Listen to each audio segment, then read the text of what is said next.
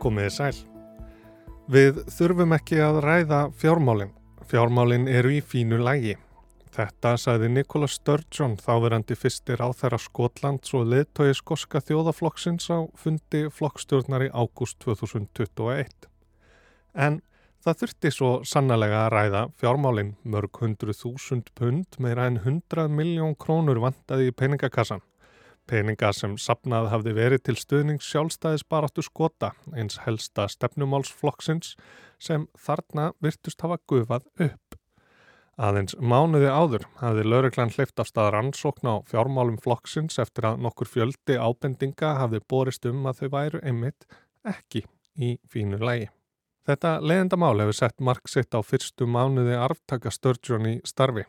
Humsa Júsaf sem reynir hvaðan getur að beina aðteglinni að stefnumálum flokksins á meðan fyrirsagnirnar fjalla bara um fjármálinn, handtökur og hortna peninga. Ég heiti Snorri Rafn Hallsson og þú ert að hlusta á þetta helst. Helst í dag er sjálfstæðisbarat að skota og fjármál skoska þjóðaflokksins.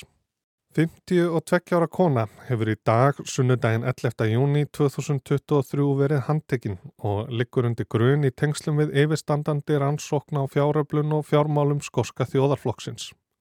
Svo hljóðaði tilkynningu lauruglunar í Skotlandi um helgina en konan sem umræðir er engin önnur en Nicola Sturgeon sjálf. the former First Minister of Scotland, the woman who was at the very heart of Scotland's government for more than 3,000 days, uh, is now uh, a police suspect, is now uh, being questioned by police. En Sturgeon er ekki svo fyrsta sem handtekin er í tengslu með þessa rannsókn. Hún ristir dýbra líkt og Ásker Tómasson greindi frá í speklinum hér á rás 1. 18. april síðastliðin. Heyrum brot úr þeirri umfjöllum. Leðtúar skoska þjóðarflokksins voru bóðaðir til fundar í skyndi eftir að lögregla greindi frá því í tilkynningu í morgun að Colin Beatty, gjaldkerri flokksins, hefði verið handtekinn og fluttur til yfirherslu. Beatty var reyndar ekki nafngreindur en enginn fór í grafgötur um að hann væri sá handtekni þegar lögreglan skýrði frá því að 71 árs Karl Madur væri í haldi vegna rannsóknar á fjármögnun og fjármálum skoska þjóðarflokksins. Emmfremur sagði í tilkynningu lögreglunar Maðurinn er í gæsluvarðhaldi, rannsóknar lauruglumenn skósku lauruglunar yfirheyra hann. Skýrsla verður sendi ríkisaksóknara og skattarannsóknar stjóra. Málið varðar við lög frá 1981 um ólíðinni við lögumæta úrskurði domstóla og ber almenningi því að sína aðgátt ef um það er fjallað á samfélagsmiðlum. Þar sem rannsóknir í gangi getum við ekki tjáð okkur frekar. Vart fyrir á milli mála að eitthvað er aðtugavert við fjármálskóska þjóðarflokksins. Fyrir þessu mánuði var Pítur Mörrell, eiginmaður Nikólu Sturgeon, fyrverandi fyrsta ráþara Skotlands og fyrverandi framkvamdastjóri flokksins, handtekinn.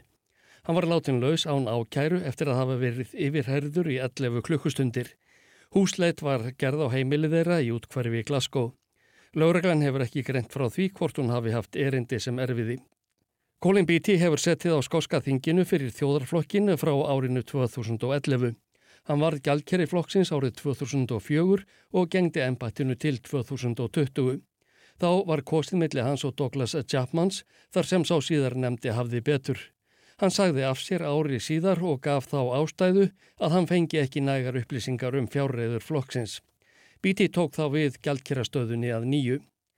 Að skæfréttastofunar hefur rannsóknir láreglunar og saksóknar ennbættisins fyrst og fremst beinst að því hvað hefur orðið um 600.000 sterlingspund, rúmlega 101 miljón króna. Fér hafið sapnast hjá stuðningsfólki skoska þjóðarflokksins og átti að renna í baróttuna fyrir því að segja skilið við breska konungsrikið. Yfirvöldum hafðu borist ábendingar um að upphæðinni hefði verið varið í önnur verkefni. Nikola Sturgeon neytaði því eindreið í sjómarpsviðtali eftir að maður hennar var handtekinn og yfirherður að afsögn hennar í februar tengdist málinu og nokkur nátt. Talið er að rannsóknin til þessa hafi leitt til þess að í síðustu viku lagði lágreglan hald á glæsilegan húsbíl sem metin er á 100.000 pund eða um 17 miljónir króna. Hann stóð fyrir utan íbúðurhús aldraðs ættingja Píters Möllers, eiginmanns Nikólu Sturgeon. Pítur Mörrell var framkvæmdastjóri flokksins frá því áður en Sturgeon tók við sem formaður. Þau byrjuðu saman 2003, giftu sig 2010 en sögðu bæði leittóastöðum sínum lausum í februar 2023. Meira um það á eftir, en til að átt okkur betur á því hvað er í gangi núna skulum við spóla aðeins tilbaka. Jafnvel allt aftur til stopnunar skoska þjóðaflokksins. 1934 gekk þjóðarflokkur Skotlands í einasang með skoska floknum. Markmiði var að samena þjóðernisreifinguna í landinu en flokkana greindi á um hvort sækjastætti eftir skoskri heimastjórn með framsali valds frá breska þinginu eins og skoski flokkurinn vildi eða berjast fyrir fullu sjálfstæði að hætti þjóðarflokks Skotlands. Fallist var á fyrsta kostin til að fá sem flesta með í hinn nýja skoska þjóðarflokk en fljótlega var skiptum stefnu, fullt sjálfstæði sett á stefnuskrána.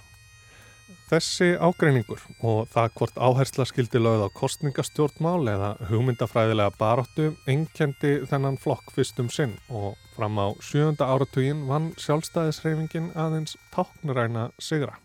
Westminster Abbey, spiritual heart of the Commonwealth, lost one of its most precious relics when persons so far unknown forced the door of the King Edward VII's chapel to reach the coronation chair and take away the stone of Scone. Örlagastinnin var gríningarsæti skoskra konunga sem játvarður fyrsti flutti til London eftir innrásina í Skotland 1296.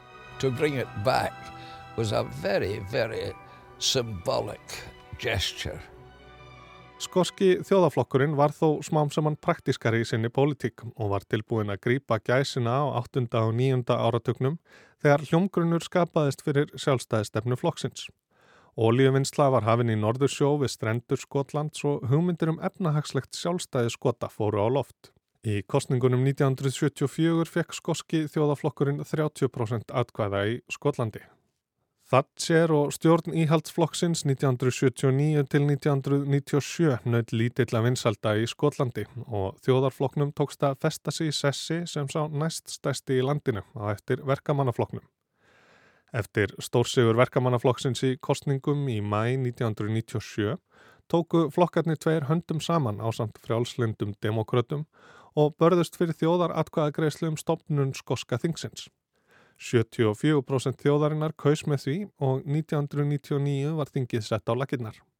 Skoski þjóðaflokkurinn hafði náð upprunalegu markmiði sínu frá 1934 og gerði sig gildandi í stjórnarandstöðu Skotlands undir stjórn Alex Salmond. En það var aðeins skrefi átt að loka takmarkinum að skotar erðu sjálfstæð þjóð sem færi með öll sín mál sjálf, ekki bara sum og að hluta til og í skjóli og nafni breska þingsins. Að skotar fengju yfir á því yfir auðlendum sínum, nitu ávaksta þeirra og þyrtu ekki að fara í stríð sem þeir kærðu sér ekki um. 2007 náði skoski þjóðaflokkurinn flestum sætum á skoska þinginu og battar með enda á hálfrar aldar fóristu verkamannaflokksins í landinu. Alex Salmond varð fyrstir á þeirra Skotlands. Eftir að hafa styrt stöðu flokksins en frekar í kostningunum 2011 og náð reynum meiri hluta, hétt Salmond því sem 50 fyrstir á þeirra Skotlands að þjóðin fengi að kjósa um sjálfstæði innan 5 ára. With independence, we can have a new social union with the other nations of these islands. We'll continue to share Her Majesty the Queen as head of state. But we won't have our young servicemen and women dragged into illegal wars like Iraq, and we won't have nuclear weapons based on Scottish soil. Order. Atkvæðagreislan fór fram 18. september 2014 og fyrstu kannanir bentu til þess að meiri hluti skota væri andvígur sjálfstæði. I'm a betting man uh, and I would always bet on Scotland becoming an independent country. I put uh, not just the, the House, I put my entire career and effort on Scotland becoming an independent country. Skotar yrðu sjálfstæð þjóð, það var hann vissum. En svona hófust kvöldfréttir þann 19. Komið þið sæl. Alex Salmond, leðtögi í Skoska þjóðarflokksins tilkynnti í dag um afsök sína sem formaði flokksins og ráð þeirra daginn eftir að meiri hluti skota hafnaði tillögum að Skotland yrði sjálfstætt ríki. Salmond stóð við sitt, sæði af sér og varaformaðurinn Nikola Sturgeon tók við. Skoski þjóðaflokkurinn naut þó enn mikill að vinselda, þjóðar atkvæðagreislan hafi verið naum. Árað eftir fekk flokkurinn 56 af 59 sætum skota á breska þinginu. Skoski verkamannaflokkurinn aðeins eitt. En að morgni 24. júni 2016 leitt staðan allt, allt öðruvísi út. Brettar ákvaða að ganga úr Evropasambandinu í þjóðaratkvæðagreislinu í gær, rúmlega 17,4 miljónir kjósenda greitu atkvæði með úrsögn, 16,1 miljón vildu vera áfram í sambandinu. 52% breyta höfðu kosið að segja skilið við Evrópusambandið, 48% vildu áfram vera með. En 62% skota höfðu hins vegar kosið með áframhaldandi aðild og sæði Sturgeon að verið var að taka skota úr Evrópusambandinu gegn viljaðera, nokkuð sem hún teldi líðræðislega og ásættanlegt. Likely. Önnur atkvæðagreisla skildi haldinn og í mars 2017 setti skoski þjóðaflokkurinn af stað fjáröflun til að fjármagna kostningaherferð, hashtag skottarf. Nýju lífi er þið leift í sjálfstæðisbarattuna og nokkrum mánuðum hafði meirinn halv miljón punta sapnast. Bóða var til kostninga í Breitlandi þetta ár fyrr en áætlað var og veldi verkamannaflokkurinn því upp hvort flokkur Sturgeon hefði mögulega nýtt þessa peninga til að fjármagna þá kostningabarattu. Skoski þjóðaflokkurinn þvertók fyrir það. Peningarnir væru eirnamertir sjálfstæðisbarattunni og 2019 var svo önnur fjáröflun haldinn, yes.skott. Við skipilegjum nú nýja herrferð sem setur efnahagsmöguleika Skotland sem sjálfstæðislands í brennidebil. Við ætlum að dreifa sjálfstætt Skotland leiðbynningabæklingur fyrir heimilið á hvert heimili. Allar 2 miljónir og 460.000. Gefðu núna til að láta þetta gerast. Svo hljóðaði auglýsing skoska þjóðaflokksins á samfélagsmiðlum og var heldar upphæðin sem sapnaðist innan skams komin upp í 667.000 pund. En þetta eru peningarnir sem Sturgeon vildi ekki ræða. Sjálfstæðisinnin og blokkarinn Stuart Campbell vakti aðtegli á því síðla 2020 að samkvæmt skýslum flokksins væri aðeins 97.000 pund á bankareikningi hans og heldar eignir metnar á 272.000 pund. Það er öllu minna en 667.000 pund og hvati Kampel þá sem styrtöðu málstæðin og hefðu áhyggjur af þessum málum að spyrja hvað orðið hefði um peningana. Spurt var en svörin litu á sér standa. 2021 sögðu þrýr meðlemið fjármála og eftirlitsnemndar flokksins sig úr nemndinni þegar þeim var neitað um aðgangað bókaldi flokksins. Stuttu setna bárust lauruglunni tilkynningar um að eitthvað krukkugt væri á segði.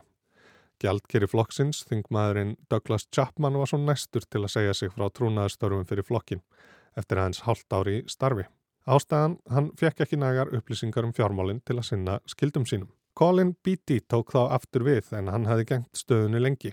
Frankvöndastjórin Peter Murrell, eiginmaður Sturgeon, veitti flokknum svo rúmlega 100.000 punta lán skömmu síðar til að aðstóða við peningaflæði flokksins en um sama leiti setti lauruglan í Skotlandi á staðaransókn á fjármálum flokksins, Operation Branchform. Það var lítið að frétta næstu mánuði.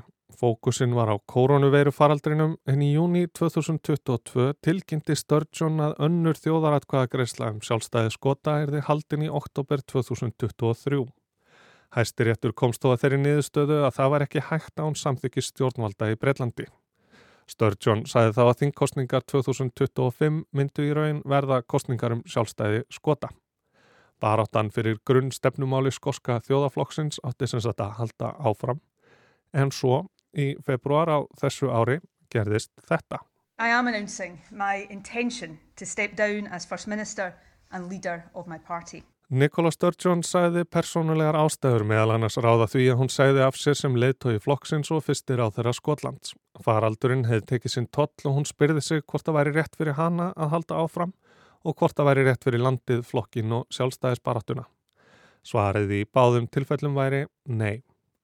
Hún væri þó ekki hætt í politík. Humsa Júsaf tók við Sturgeon í lok mars en apríl reyndist erfiður fyrir flokkin. Nokkrum dögum áður en Sturgeon sæði af sér hafði lauruglan yfirhert likil vittni í rannsókninni og í apríl voru bæði Morell, eiginmaður hennar og framkvæmdastjóri flokksins og gjaldkerinn Colin Beatty handteknir og yfirherðir í tengslum við rannsóknina. Eins og við heyrðum hér í uppafi var gerð húsleit á heimili þeirra hjóna og við heimili aldrarar móður Morell fannst kostningarúta sem aldrei hafi verið notuð. Morell og Beatty var báðum sleppt úr haldi að loknum yfirherslum. Og þetta virtist koma öllum á óvart. Júsaf sem hvaðist kvumsa yfir þessu öllu saman og Sturgeon sem sæðist ekki hafa hugmyndum að þetta stæði til þegar hún sæði af sér og að rannsóknin á fjármálum flokksins hefði ekki átt þátt í ákvörðun hennar. I understand uh, the uh, the view that some people might have that I knew this was all about to unfold and that's why I walked away. Nothing could be further from the truth.